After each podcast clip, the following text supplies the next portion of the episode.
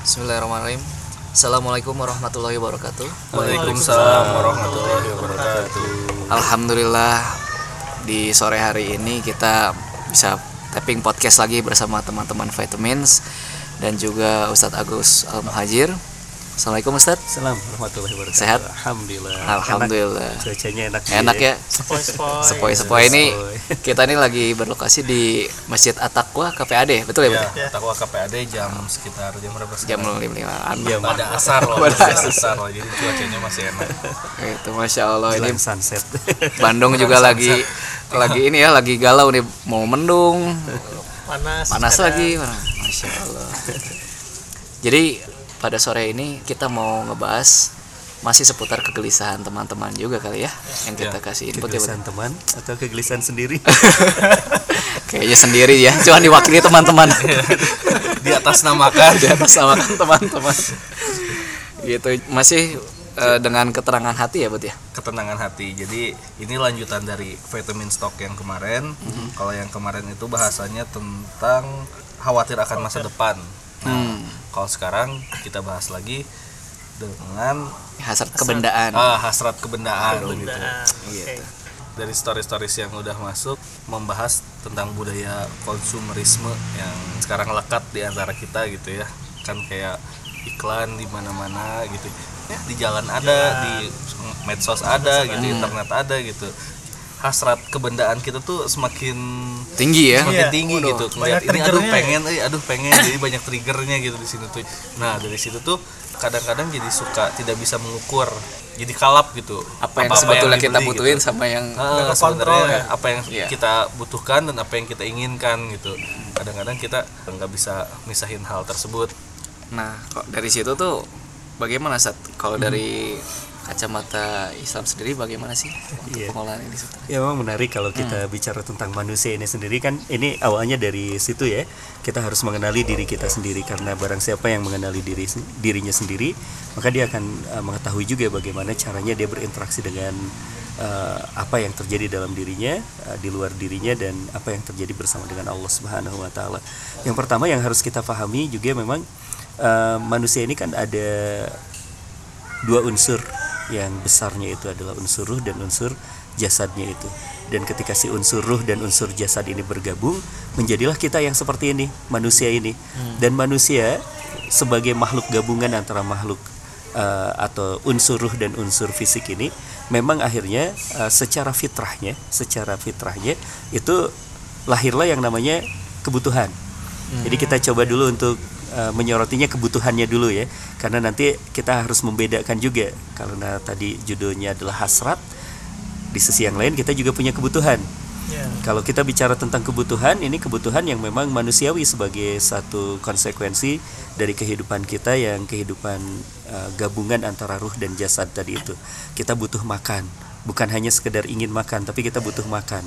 Karena uh, para ulama, Imam Al-Ghazali misalnya itu menyoroti juga bahwa uh, orang menjadi tidak terkendali atau orang menjadi kurang begitu bagus di dalam dia mengendalikan dirinya itu ada dua faktor. Yang pertama adalah faktor dia kebanyakan makan atau faktor yang kedua yaitu tidak terpenuhinya kebutuhan makannya dia. Ini kan juga sama-sama zalim. Sama-sama zalim, lebih dan terlalu kurang juga sama-sama zalim. Nah, itu kita bicara tentang kebutuhan. Ini adalah kebutuhan. Tetapi ketika kita bicara tentang eh, keinginan kita, eh, Allah Subhanahu wa taala juga menggambarkannya di dalam surah Ali Imran itu zuyinat linas zuyinat linas hubus syahwat. Ada yang namanya syahwat dan syahwat itu indah, keinginan itu indah. Jadi ini adalah salah satu medan ujian. Syahwat itu adalah salah satu medan ujian yang diberikan oleh Allah Subhanahu wa taala kepada kita.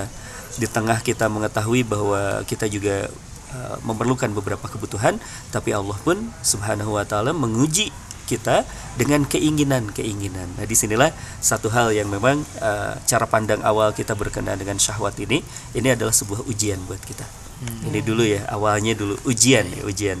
Karena ya namanya manusia kita dikirimkan oleh Allah Subhanahu wa taala atau disampaikan ke satu fase yang namanya dunia ini alladzi khalaqal mauta wal hayata liyabluwakum ayyukum ahsanu amala. Allah Subhanahu wa taala menciptakan yang namanya kematian, menciptakan yang namanya kehidupan itu liyabluwakum sebagai ujian.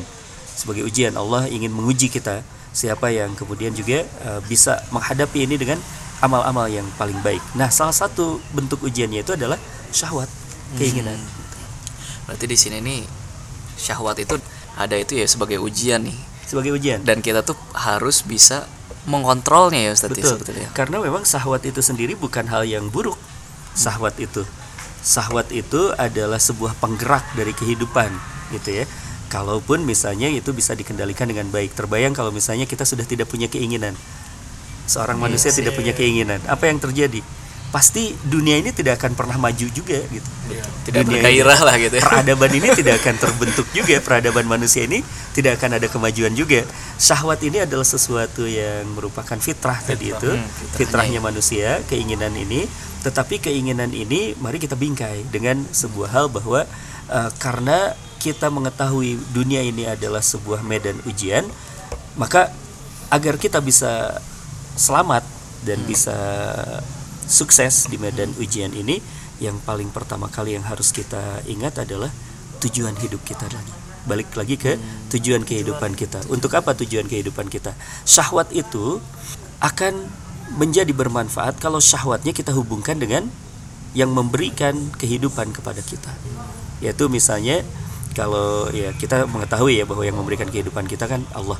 Misalnya eh, syahwat yang ditujukan eh, di atas namakan Allah misalnya ketika kita ingin bekerja Hmm. bekerja atau ingin mengembangkan bisnis ingin nih ya Iya. kan ini sudah keinginan kan Iya. Keinginan. ingin mengembangkan bisnis pokoknya ingin dapat aset misalnya tahun ini berapa Sekian miliar. sekian Iya, miliar sekian. misalnya pokoknya ingin aset sekian miliar nah eh, itu harus disusul dengan sebuah pertanyaan untuk apa Hmm.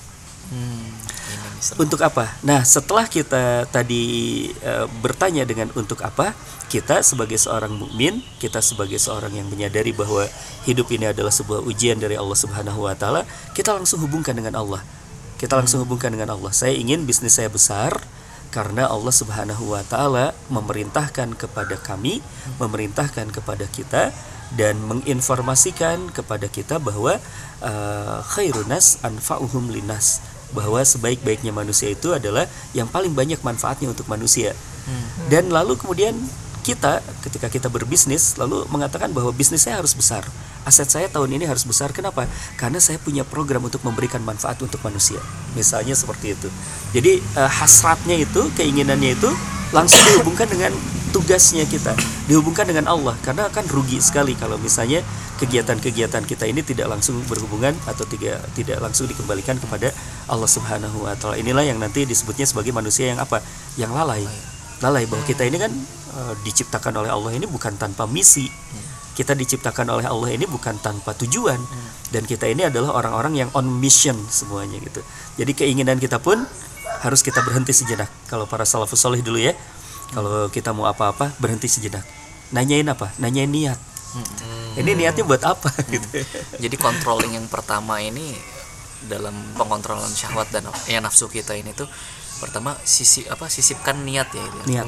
apa dasari oleh niat Mhm. bahwa untuk kepada Allah segala apa pun itu tuh ya misalnya kita mungkin pengen usaha ataupun misalnya pengen beli motor ya Nah. untuk keluarga untuk keluarga Bisa bawa eh, keluarga. bisa ke- bawa keluarga ya menafkahi lah ya sebetulnya Iya, kan seperti betul. itu ya Jadi semua misalnya ya mudahnya kita kan ki- kita bicara tadi hasrat kebendaan kan kalau misalnya kebendaan itu yang nempel nih Hmm. misalnya di kita saja nempel di kita saja ketika kita pakai sepatu misalnya Hmm. ketika kita ingin beli sepatu itu kan harus kita tanya niatnya buat apa sepatu itu Hmm. kalau kemudian tiba-tiba di dalam hati kita ini ada sebuah hal oh ini kan sepatunya adalah tren terkini nih harganya eh, ini brandnya bagus sehingga ketika memakai sepatu itu kita merasa terangkat derajat Bangga. derajat kita bangga gitu. Nah, kalau misalnya kita sebagai ukuran kita sebagai seorang mukmin, tatkala kita berpikiran seperti itu saja, maka kemudian kita hentikan dulu. Kita hentikan dulu, kita berhenti dulu, lalu kemudian kita tanya lagi, memang seberapa penting kita menaikkan diri kita itu. Karena kalau kita menaikkan diri kita itu nanti khawatirnya kita terjebak kepada satu hal yang namanya ria. Hmm. yang namanya ujub nantinya. Tapi eh, mungkin setelah kita berhenti kita akan bertanya lagi oh ya memang ada sebuah misi misalnya eh, misalnya dengan kan eh, kita juga sering menemukan bahwa ketika kita misalnya ada on mission ke satu komunitas ternyata komunitas itu harus kita dekati dengan brand tertentu misalnya. Misalnya ada orang-orang yang seperti itu juga. Misalnya ya kalau kita eh, sedang ingin bergaul dengan orang-orang yang memang motor. ya orang-orang motor misalnya Iya. motornya merek tertentu misalnya otomatis kita juga kan harus bisa masuk ke sana itu bisa diterima itu dengan merek itu pakai motor dengan merek itu. Nah eh, itu boleh. Tapi kemudian tanya lagi terus mau apa? Setelah ikut. Setelah ikut itu mau apa lagi? Nah ini terus menerus pertanyaan itu. Jadi niat itu kan eh, betul-betul harus kita pelihara ya. Karena ada orang-orang yang kata Syekh Al Muhasibi itu ada orang yang eh, niatnya itu awalnya akhirat tuh buat ibadah buat apa? Tadi beli mobil buat ngajakin keluarga ke taklim misalnya gitu ya. Tapi di tengah jalan kan bisa berubah niatnya tuh bisa berubah. Emang ke taklim tuh mau ngapain gitu ya? Mau ngapain ke taklimnya apakah uh, nanti parkirnya jadinya di depan gitu? Kemudian lama-lama gitu, gitu. kan ini juga belok lagi. parkirnya ah di bangunan sana aja gitu. semak-semak aja di semak-semak dulu. Kayak. Iya, Tapi pas bawa mobil datang paling terakhir gitu ya biar kelihatan orang-orang gitu. dipecat-pecat terus biar bunyi aduh mobil di mana ya? Nyalain alarm gitu kan. Oh di situ gitu padahal parkiran kosong tuh. Jadi benar-benar harus kita menanyakan terus menerus tentang niat kita nantinya. jadi takutnya tuh takut mengotori hati ya Ustaz ya? Takut mengotori hati. Eh, di sisi yang lain kemudian Islam juga menghargai fungsi, menghargai fungsi. Maksudnya ketika kita berbicara tentang menghargai fungsi, eh, Rasulullah itu kendaraannya kendaraan yang paling baik. Kudanya Rasulullah itu kuda yang paling cepat, yang paling kuat. Ya. Untanya Rasul itu unta yang paling kuat, yang paling cepat. Cuma fungsional. Fungsionalnya buat apa? Kudanya buat perang. Ya. Kudanya buat perang, untanya juga buat berdakwah dan lain sebagainya. Sehingga betul-betul efektif proporsional ya proporsional ya. betul karena kalau terbayang juga kalau misalnya ke medan perang Rasulullah sebagai panglima perang menggunakan kuda yang paling jelek kan ngerepotin orang gitu nanti Iya. Malah jadi zolim. Malah jadi zolim. Jadi ya, Islam memang tidak kemudian juga membatasi eh, tidak kemudian mengharamkan sama sekali yang namanya keinginan tidak mengharamkan sama sekali kebendaan tapi kita tanyakan dulu untuk apa yang namanya kita memiliki eh, kebendaan tersebut seperti itu. Misalnya kita pengen bel- beli mobil gitu misalnya Alphard gitu kan. Kalau Hmm. Alphard kan ya mewah gitu. Tapi buat kebutuhan kita misalnya buat berdakwah tur antar kota gitu kan ya itu memang butuh Kenyamanan. kenyamanan gitu Tidak kan apa-apa. itu itu memang pada fungsinya gitu ya Mhm. sesuai dengan kebutuhan gitu tengahnya tuh itu ya Mhm. sesuai kebutuhan atau enggak apa yang mau kita miliki itu gitu Mhm. tapi kalau misalnya akhirnya jatuhnya mungkin kan ada yang juga ada juga yang ingin fungsinya tuh sudah dapat Ustaz, gitu ya Iya. tapi ini ada nilai-nilai yang lebih ada ibaratnya lebih ke tersier itu. Fungsinya sih ada tapi fungsionalnya Ah, gitu. Tapi lebih tinggi ke tersier gitu sih ke sisi tersier gitu. Apakah itu sama jangan dengan berlebih-lebihan atau bagaimana sebetulnya? Nah, eh, ini kita kembali lagi ke misi hidup kita. Bahwa misi hidup kita ini Allah Subhanahu wa taala sudah menyampaikan kepada kita wa izqala rabbuka lil malaikati ini ja'ilun fil ardi khalifah. Ini ja'ilun fil ardi khalifah. Eh, kita coba untuk mengingat bahwa tugas kita, misi kita ini adalah menjadi pemakmur bumi. Misi kita menjadi pemakmur bumi. Pemakmur bumi itu dimensinya itu lu- luas sekali. Kalau kita berbicara tentang hubungan kita dengan manusia adalah bagaimana kita bisa misalnya ya memberikan manfaat tadi kepada manusia, kemudian kepada alam bagaimana bisa mengelola alam ini dengan baik, kepada uh, binatang bagaimana segala macam itu ada ada aturan-aturan ya ada panduan-panduannya. Nah, sehingga kalau kita bicara tadi tentang kebutuhan ya uh, kita berbicara tentang kebutuhan-kebutuhan itu misal ya misal ya kita coba untuk mengambil satu kebutuhan primer yang sangat fundamental dalam kehidupan kita makan misalnya. Ya. Makan. Kan kalau kita eh, sering terjebak juga menjadi wisata kuliner. Nah itu.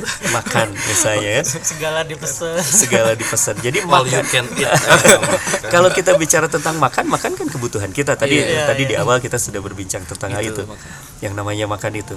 Tapi eh, kita coba kembalikan ke fungsi makan Hmm. kata Rasulullah Shallallahu Alaihi Wasallam. Fungsi dari makan itu adalah untuk menegakkan tulang punggungmu. Hmm. jadi bagaimana makan itu adalah fungsi.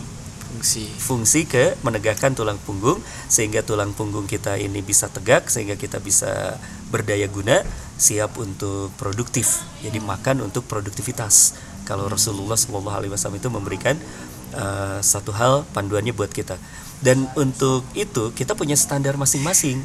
Kalau kita bicara tentang makan untuk produktivitas itu tergantung kita ingin mengerjakan apa kan? Kalau kita yang lebih banyak duduk tentu tidak tidak tidak tidak bagus kalau kebanyakan banyak karbohidrat, karbohidrat. pasti akan ngantuk. Tapi untuk teman-teman kita saudara-saudara kita yang kerja keras mungkin karbohidrat sangat dibutuhkan. Jadi ini eh, proporsional saja berkenaan dengan hal itu. Tapi intinya adalah untuk membuat kita segar. Jangan sampai banyak juga di antara kita kan. Habis makan teh ngantuk gitu tunduk. Nah itu berarti tidak produktif tidak tercapai itu. Tidak tercapai itu eh, fungsi dari makan itu. Karena sehabis makan harusnya kita Segar, produktif segar, segar. Itu yang harus kita lakukan. Banyak ini bab yang lain lah ya berarti kita harus benar-benar me- memikirkan tentang gizi komposisi dan lain sebagainya. Rasul tuh sangat sangat memperhatikan itu. Misal salah satunya kalau kita bicara tentang makannya Rasul makannya Rasul itu kan kalau daging daging Rasul suka sekali. Eh, daging kambing itu kaki sebelah belakang. Hmm. dan kaki sebelah belakang itu lemaknya sedikit. Lemaknya sedikit dagingnya empuk gurih enak gitu. Dan tetapi energinya tuh bisa panjang gitu energinya Oh. bisa panjang. Nah ini salah satu pertimbangannya misalnya. Nah kalau itu sudah terpenuhi maka ketika kita berlebih-lebihan dalam hal itu itu sudah disanggap berlebihan. Misalnya standarnya Umar berkenaan dengan makan. Kalau kata Umar kalau kita misalnya makan ada dua jenis lauk. Dua jenis lauk yang menemani eh, makanan pokok kita. Misalnya makannya itu adalah daging sama ikan kan kata Umar bin Khattab itu termasuk pemborosan dan mubazir. Itu menurut Umar. Itu menurut Umar. Sehingga Umar berkata bahwa aku sangat benci kalau makan dengan eh, dua jenis lauk. Aku cukup mencukupkan diriku dengan satu jenis lauk saja. Itu misalnya ya ukurannya. Nah kalau kita berpikiran seperti Umar misalnya dan tadi fondasinya dari Rasulullah bahwa kita makan itu adalah untuk produktivitas banyak sisanya nggak kira-kira harta yang dititipkan oleh Allah Subhanahu Wa Taala pada kita. Akan banyak ya? Iya. akan banyak. Nah itulah yang kemudian tadi kita ikatkan atau kita sambungkan dengan yang namanya misi kita. Kelebihan itu akan bisa kita kelola untuk banyak hal. Jadi bukan bukan untuk untuk hal yang berlebih-lebihan uh, padahal Pada itu diri sudah sendiri ya? pada diri sendiri. Padahal itu sudah terpenuhi dengan hal-hal yang tadi standar-standar yang sudah ditentukan oleh Rasul dan para sahabat begitu pula kalau kita tadi uh, ada pertanyaan semacam itu misalnya ya, Kang Eko bertanya tentang bahwa bagaimana ini sudah tercukupi primer berhenti di sana. Ini ujiannya kita. Jadi kalau sudah tercukupi yang primernya berhenti di sana. Kita tidak akan masuk ke hal-hal yang mewah-mewah tersier-tersier itu. Untuk apa? Agar kita bisa menjalankan misi kita untuk menjadi khalifah. Agar kita bisa menjalankan misi kita untuk banyak memberikan manfaat untuk orang lain. Banyak sisanya banyak eh, jadinya amunisi kita untuk bisa berdaya guna di tengah masyarakat nantinya jadi jadi kita juga ketika primer sudah kebutuhan itu justru di situlah kita harus bisa menahannya juga ya. mengeremnya di situ mengerem lah sebenarnya. mengeremnya di situ untuk tidak tidak tersiarnya. tidak terjebak pada eh, putaran-putaran tersier ya mungkin Betul. lebih ke situ. Ya kalau misalnya bah- bahasa gampangnya di dalam hadis tentang makan saja itu bisa kita kembangkan ke banyak hal. Kan kalau panduannya dari Rasulullah Shallallahu Alaihi Wasallam berhenti sebelum kenyang kan? Makan Ya. itu. Iya. iya. berhenti sebelum kenyang. Dan kalau kita mengejar tadi tentang keinginan-keinginan kita ada satu hadis Rasul yang itu mengingatkan kita tentang satu hal kata Rasulullah. Seandainya seseorang memiliki satu lembah emas bayang nggak? Satu lembah nih kan Bandung lembah nih. Emas semua itu isi satu lembah isinya emas itu orang akan merasa kurang tetap akan merasa kurang akan menginginkan lagi satu lembah emas lagi. Dan tidak ada yang bisa menghentikannya kecuali apa kata Rasul? Tanah. Maksudnya meninggal, nanti. Ya. Meninggal baru kemudian dia menyadari bahwa oh ya, sudah selesai keinginan kita. Jadi keinginan itu nyaris tanpa batas ini yang bahaya kalau kita mengejar keinginan saja. Jadi kita harus uh, punya standar tenda- tadi tentang kebutuhan-kebutuhan kita. Kita ciptakanlah standar buat kita standar buat kita. Karena ini kan terserah kita kan? Di sinilah sifat konaah yang harus kita bangun sesuai dengan kebutuhan kita. Kita bicara tentang standar-standar pribadi kita. Kalau itu sudah terlampaui maka kita bagaimana sumber daya yang lebih ini kita manfaatkan untuk orang lain. Toh kalau misalnya kita lihat juga ya sekarang kabarnya di negeri-negeri tetangga kita pun sekarang sedang booming bagaimana cara hidupnya tuh minimalis ya. Iya, Misal kan? saudara-saudara kita di Jepang misalnya ya. Iya. Katanya saudara kita di Jepang itu perabotannya kan sedikit. Iya. Kemudian juga palingnya cuma ada laptop gitu. Sesuai buat fungsi. kerja sesuai Iya, fungsi. sesuai fungsi. Nah itu kuncinya sesuai fungsi. Dan itu adalah ajarannya kita sebenarnya. Hmm. sesuai dengan fungsinya kita. Iya, iya. kita mah punya satu produk Mhm. Berapa warna gitu mulai gitu Kalau kalau baju mah ya gitu. gitu Nah itu. Apa? Gak berhenti. aduh yang warna ini belum ada eh. Ada yang baru. Wah ini belum. Heeh, gitu kan Curhat kali. kalau kalau istilah pergaulan mas lebih baik nyesel beli daripada nyesel nggak beli gitu itu tuh Nah inilah yang bahaya karena di sinilah kita sudah terjebak pada konsumerisme itu. nah iya iya Konsumerisme. Kalau konsumerisme, masya Allah. Eh, Islam itu tidak mengenal koleksi. Misal ya, kalau misalnya kita bicara tentang bahkan bukan koleksi. Di eranya Umar bin Khattab, kalau kita punya tanah, kan sekarang kita sering sekali investasi misalnya tanah ya. ya Ini bukan keinginan loh, kita lagi ngamanin aset misalnya, investasi. Tanah kita beli di mana-mana. Lalu kemudian habis itu kita tidak kelola karena memang niatnya hanya untuk investasi misalnya. Kita simpan kalau nanti harganya naik kita Jual. lepas lagi misalnya. Iya. Itu di era Umar di- dilarang keras. Buat Umar pada saat kekhalifahan Umar, Umar berkata bahwa barang siapa yang eh, itu negara misalnya ada dapat laporan atau negara melihat ada tanah yang terlantar diterlantarkan oleh yang punyanya itu diambil oleh negara lalu kemudian habis itu dikembalikan kepada rakyat miskin dibagikan kepada rakyat miskin. Inilah sebuah paradigma berpikirnya di dalam Islam. Bahwa Islam itu eh, tidak menghendaki yang namanya koleksi tidak menghendaki yang namanya barang yang tidak terpakai. Kita berbicara tentang bagaimana memutarkan peradaban secara cepat gitu ya. Bagaimana aset-aset kita ini menjadi aset-aset yang produktif Bermanfaat. bermanfaat bukan hanya aset yang tadi jadi koleksi padahal koleksi ingat loh nanti satu saat kan hisabnya berat. Koleksi motor tua. iya. Pajang dah. iya pajangan gitu ya barang-barang antik gitu misalnya. Malah jadi kadang eh, terlalu berusaha untuk mengumpulkan koleksi tersebut padahal ya pertama kita tidak membutuhkan terus kedua juga jadi memberatkan kita sebenarnya kebutuhan kita teh lebih banyak di tempat lain ada gitu tapi Betul. kita malah fokus ke sini karena nafsu kita gitu Tuh. Dan tadi kalau misalnya koleksi, sekarang saya tanya ketika kita bicara tentang koleksi tadi itu niatnya apa?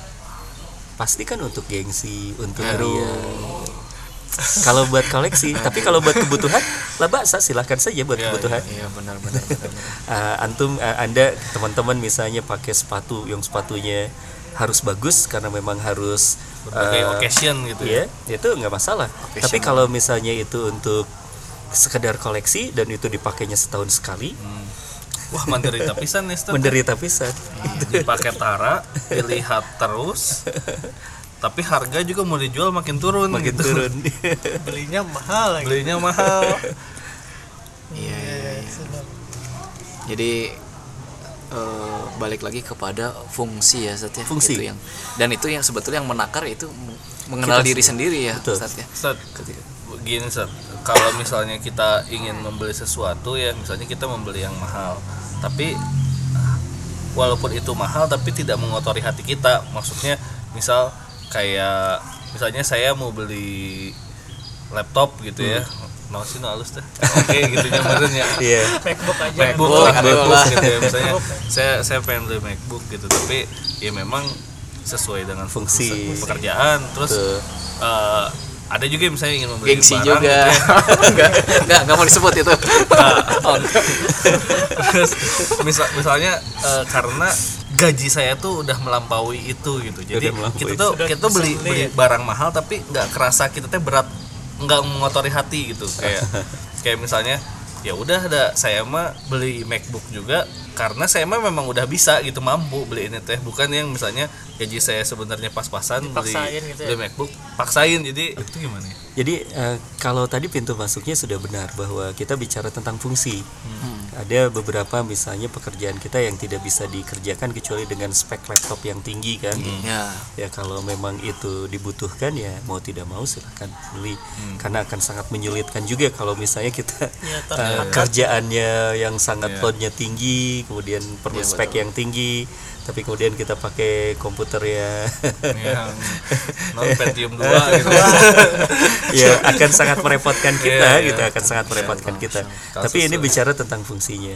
Cuma nanti kalau tadi eh, kita juga coba untuk membandingkan dengan kehidupannya Rasulullah membandingkan dengan kehidupannya Umar eh, Utsman bin Affan membandingkan dengan kehidupannya ada eh, siapa yang satu lagi itu ada eh, di zaman Rasulullah SAW Abdurrahman bin Auf mereka itu asetnya luar biasa Abdurrahman bin Auf itu konglomerat Uh, Utsman bin Affan itu bisnisnya besar sekali.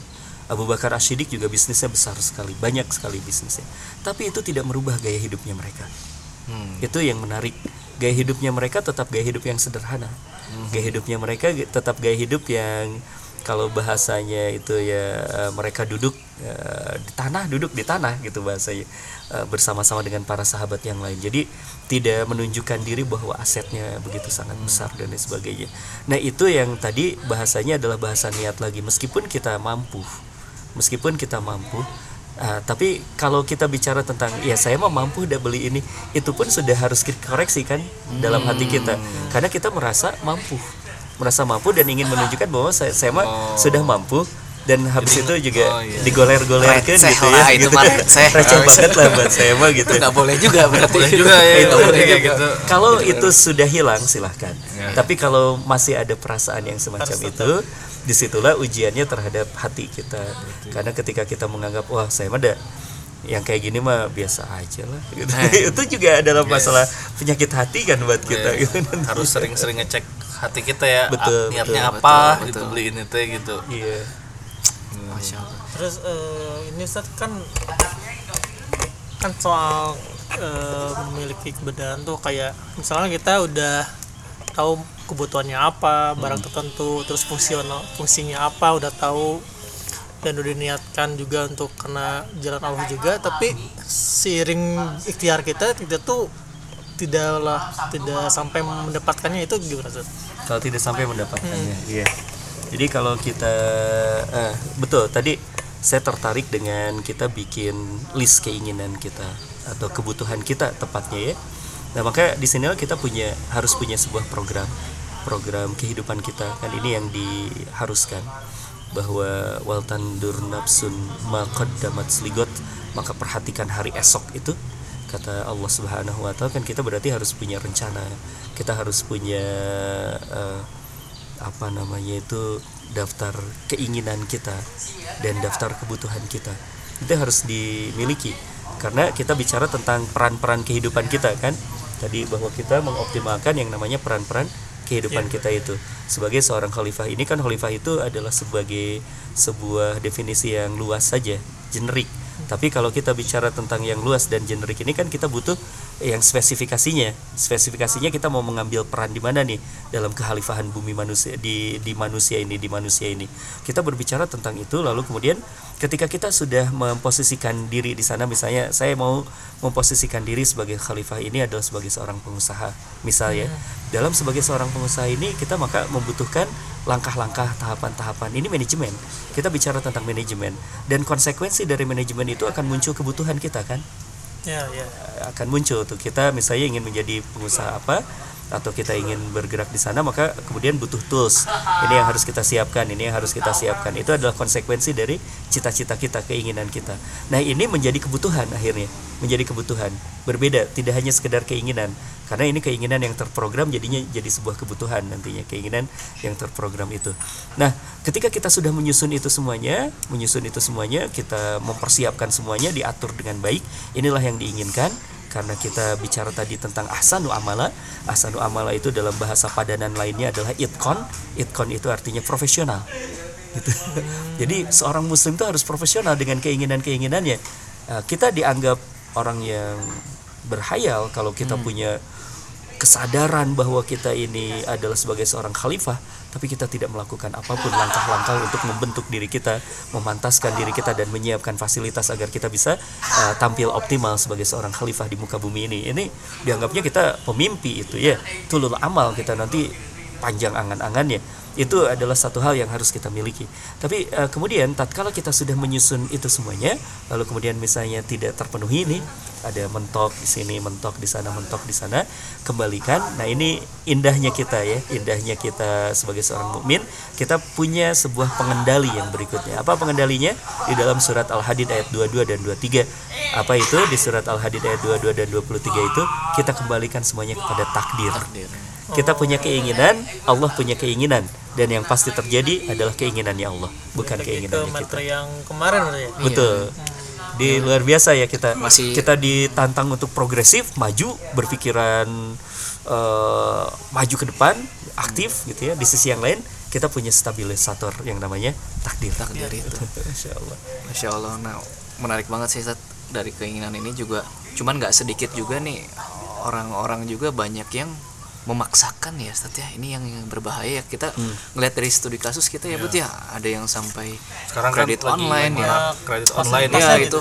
begitu mudahnya kita tuh untuk mendapatkan barang-barang yang kita inginkan tuh prosesnya tuh gampang gitu misalnya kita beli dari uh, marketplace gitu ini mau transfer atau misalnya nggak punya uang ya udah Cicil. kredit aja ada beberapa Iya. nama gitu tek, tek, kayak Keluar lah ya. gitu. keluar lah jadi itu beres tapi ya efeknya juga ya banyak yang kacau juga gitu Betul. banyak yang bablas ya. bablas gitu karena sebenarnya kita tuh beli sesuatu yang melampaui kapasitas kemampuan kita gitu Kemampuan kita. kayak gitu jadi ketika udah ditagih ini ambil cicil sini cicil sini cicil sini wah berantakan akhirnya debt collector di mana-mana Ya, Nah itu itu sikap seperti apa sih Sat? Itu dalam diri itu pola pikirnya Iya. gitu. Uh, baik, jadi kalau kita bicara tadi tentang hal yang semacam itu, tadi kita sudah bicara tentang takdir. Ya.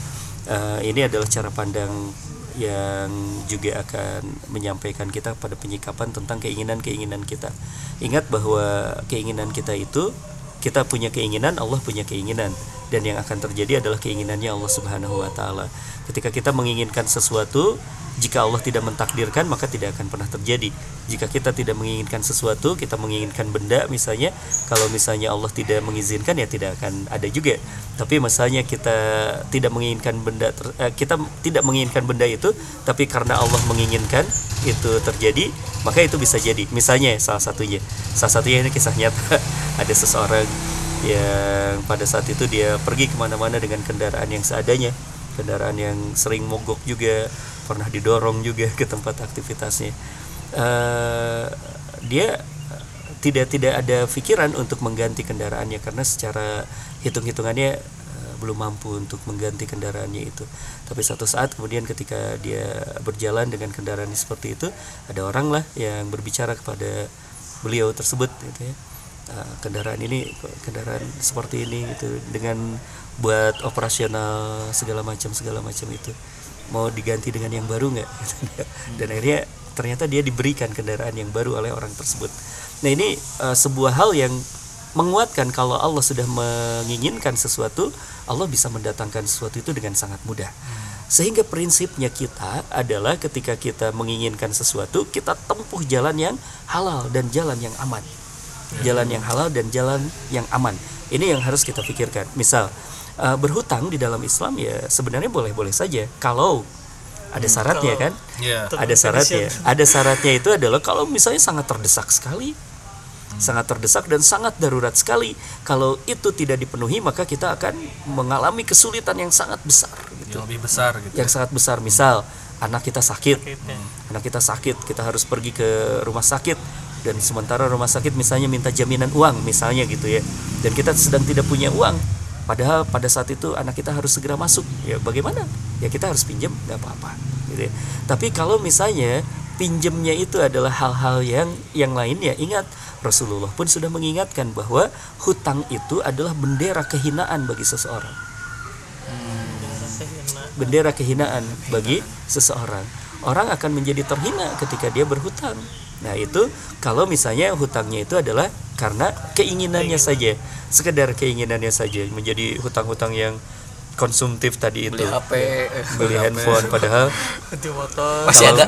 kalau misalnya kita bicara tentang handphone kan fungsi. Iya. fungsinya handphone itu menelpon meng SMS Iya. Line, WhatsApp, Iya. gitu, Ustaz, ya. sekedar itu. Dan Itu- itu, kan itu bisa dengan lah. yang murah kan. Bisa dengan yang murah pun sudah bisa terpenuhi itu semuanya gitu ya. Kalau memang memorinya kemudian menjadi kecil atau storage-nya kecil ganti pakai flash disk aja Kenapa? kan ada Dua hari sekali pindahin gitu susah amat gitu daripada kemudian kita memaksakan diri yang kemudian menjadi hutang kita bertumpuk-tumpuk seperti itu. Nah kecuali memang yang berikutnya kalau kita bicara tentang hutang itu ada satu hal solusi dari Islam ini. Kalau kita tadi punya program kita sudah punya keinginan misalnya untuk memperbesar bisnis kita dan lain sebagainya kan ada cara yang lain selain berhutang. Apa itu? Ada musyarakah itu ada kita berserikat ada penambahan modal dan lain sebagainya. Kan itu jauh lebih aman. Islam kan juga me- apa namanya memberikan solusi tentang hal itu gitu ya. Kita bisa meminta teman kita berkongsi dengan teman kita untuk penambahan modal dan sebagainya. Dan itu jauh lebih bagus jauh lebih bagus nantinya. Iya, jauh lebih produktif daripada sekedar misalnya kita pinjam, untuk hal-hal yang konsumtif.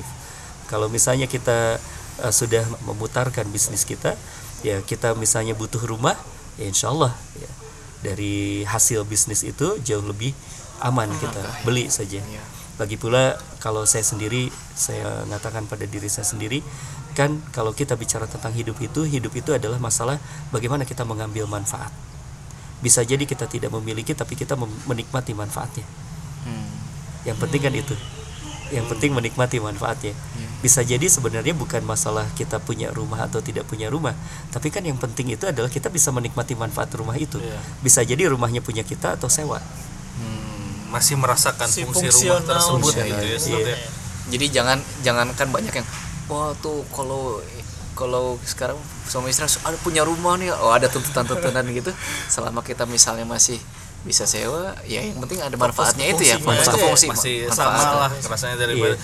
daripada misalnya kita pengen beli- punya mobil bagus gitu tapi nggak tenang juga cicilan Iya. ini gimana tiap make juga di parkir takut ada yang ngegores gitu kan takut hilang gitu kan make juga hati teh nggak tenang gitu. Iya. itu jadi kayak hilang fungsinya. Sebenarnya kan menggunakan barang tersebut tuh untuk kita nyaman tapi malah Malah tidak yang nyaman kita ya. pakai tuh malah kita nggak nyaman gitu. Itu ya Kalau eh, terpenjara oleh Betul. gitu. Padahal betul bahwa kita membutuhkan fasilitas untuk memudahkan hidup kita. Tapi kenapa ketika ada fasilitas itu malah jadi sempit hidup kita? itu itu berarti sudah tidak ideal ya Sudah tidak sebetulnya. ideal dan itu berarti Sudah sudah, tidak menyalahi fungsinya, Fungsinya. Soalnya- barang yang kita miliki. soalnya saya pernah ketemu sama orang gitu ya dia tuh motornya tuh jadul banget dan jadulnya tuh kasihan gitu lah gitu tapi dia tuh kalau misalnya beli Menikmati beli lah. makan ya pinggir jalan gitu misalnya beli pecel lele kunci tuh nggak pernah dicabut Stan. jadi ah tenang weh gitu orang wah udah mulai ini nyokot gitu motor mah gitu tapi terlihat dari apa ya psikologisnya tuh tenang gitu dia tuh merdeka gitu Sangat daripada orang yang sekali. lagi makan teh keluar lihat-lihat keluar lihat-lihat gitu kan apalagi lagi sholat bawa sepatu bagus gitu kan Ah. aduh itu kan pasti nggak tenang ya gitu Iya, yang Kalau- pasti itu kalau cicil juga aduh hilang belum beres ya Iya, cicilnya iya, belum beres cicilannya. Belum bunganya lagi kan nggak boleh ya, Ustaz. Nah, itu dia masalahnya ketika kita memaksakan diri. Yang saya khawatirkan tadi itu adalah bahwa kan kalau tadi kita kembali kepada takdir, kembali kepada kalau Allah sudah memberikan takdir kepada kita akan memiliki ya pasti akan memiliki. Hmm. Pasti akan punya tuh. Pasti akan punya. Pasti itu mah. Masalah takdir kan pasti gitu Gimana ya. pun syariatnya gitu ya. gimana pun caranya ya nanti Allah akan Allah mudahkan. Iya. nanti akan mudahkan caranya untuk kita uh, mendapatkan hal yang sudah ditakdirkan oleh Allah untuk kita itu. Tapi kalau kita memaksakan diri tadi itu karena kita tidak mampu untuk mengendalikan keinginan kita sementara kita tidak mengukur kemampuan kita lalu akhirnya memaksakan diri akhirnya kita mengambil jalan yang haram.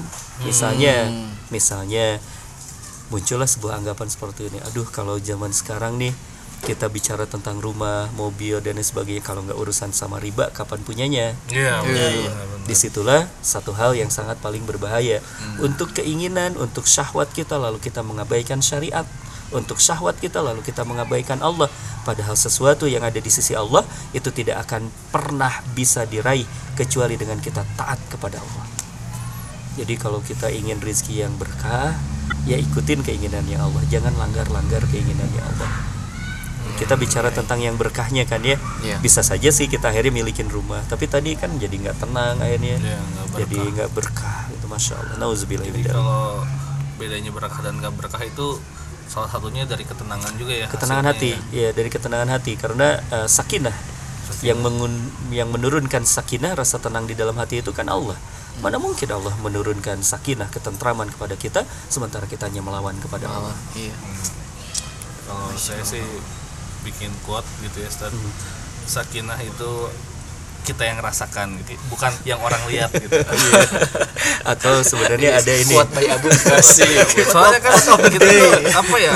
Ini merasakan ketenangan kita gitu, bukan yang Iya. kalau misalnya apa dengan anggapan orang lain gitu. Iya. Ketenangan itu. Jadi misalnya kita teh hidup enak teh karena yang dilihat orang gitu.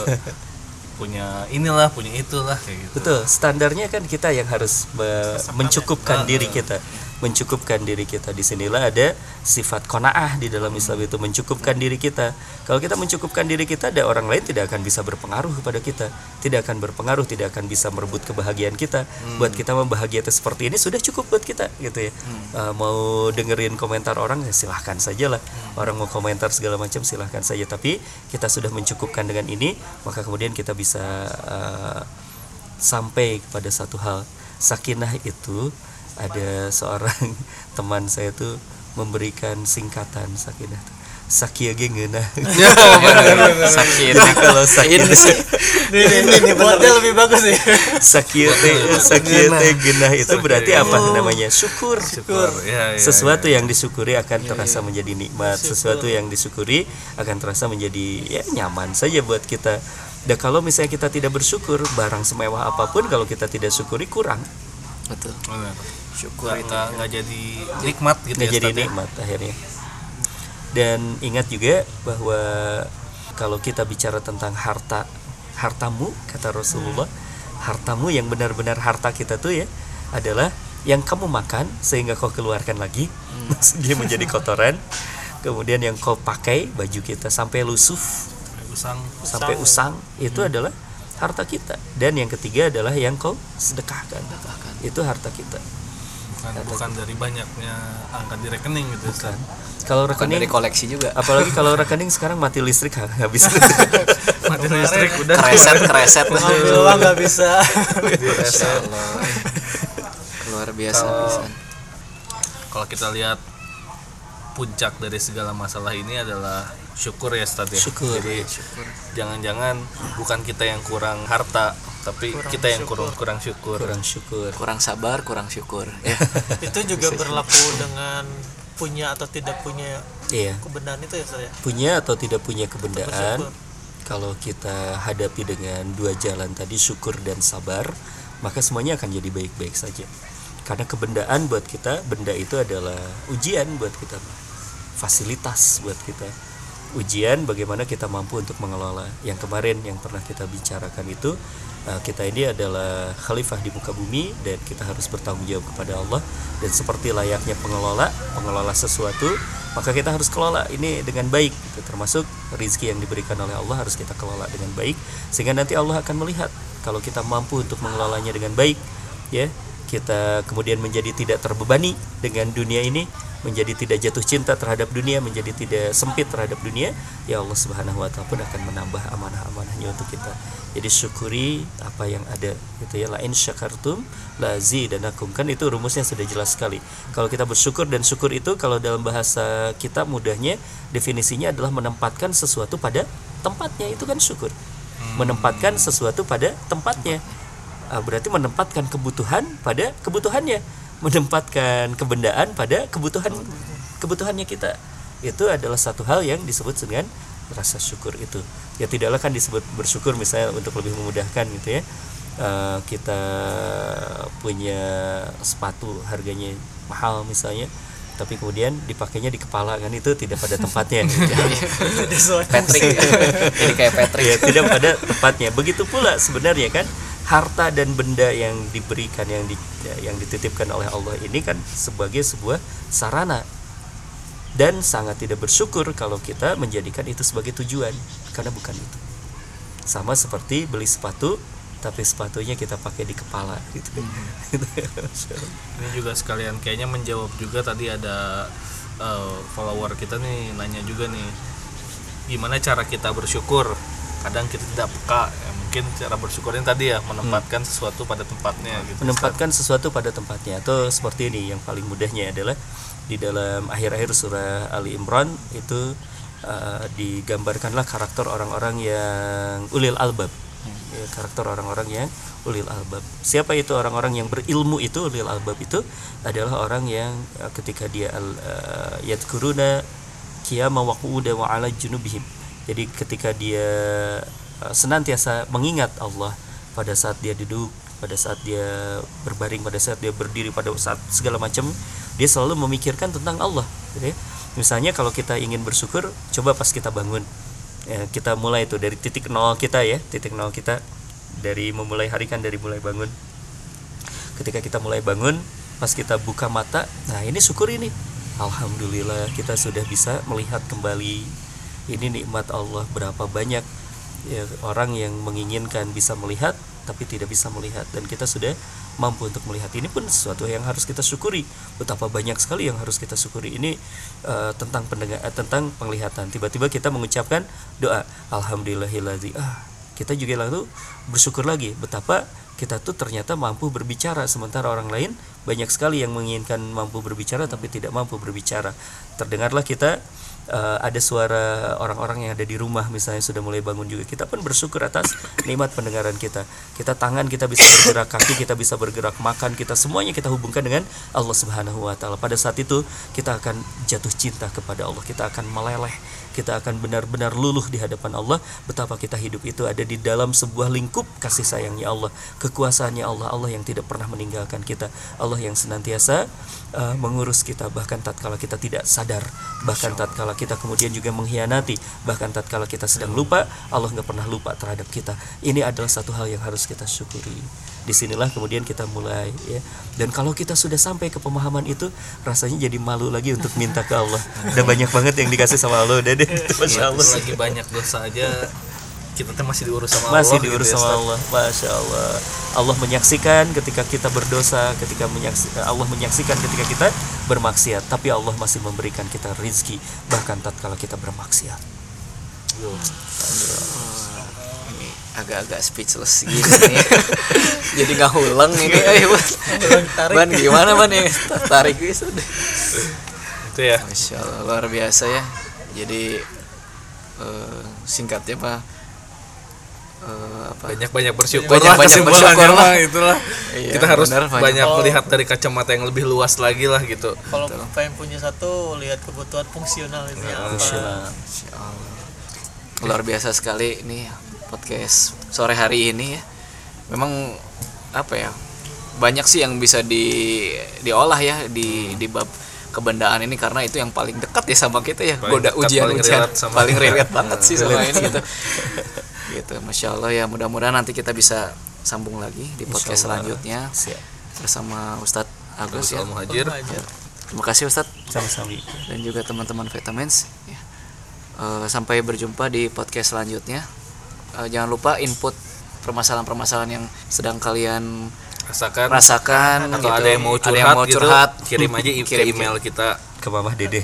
DM DM nggak dibalas DM. terus sama Mama Dede ke kita langsung. Baik. Ya. Terima kasih teman-teman. Assalamualaikum warahmatullahi wabarakatuh. Waalaikumsalam warahmatullahi wabarakatuh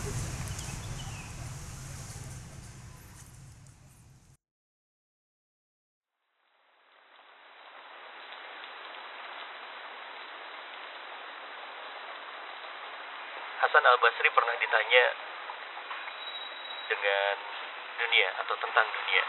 Wahai Hasan Al Basri, apa komentarmu tentang dunia? Lalu kemudian Hasan Al-Basri berkomentar, apa yang bisa aku komentari tentang dunia? Halalnya saja harus dihisap, sementara ketika aku salah untuk menjalaninya, maka kemudian aku akan celaka.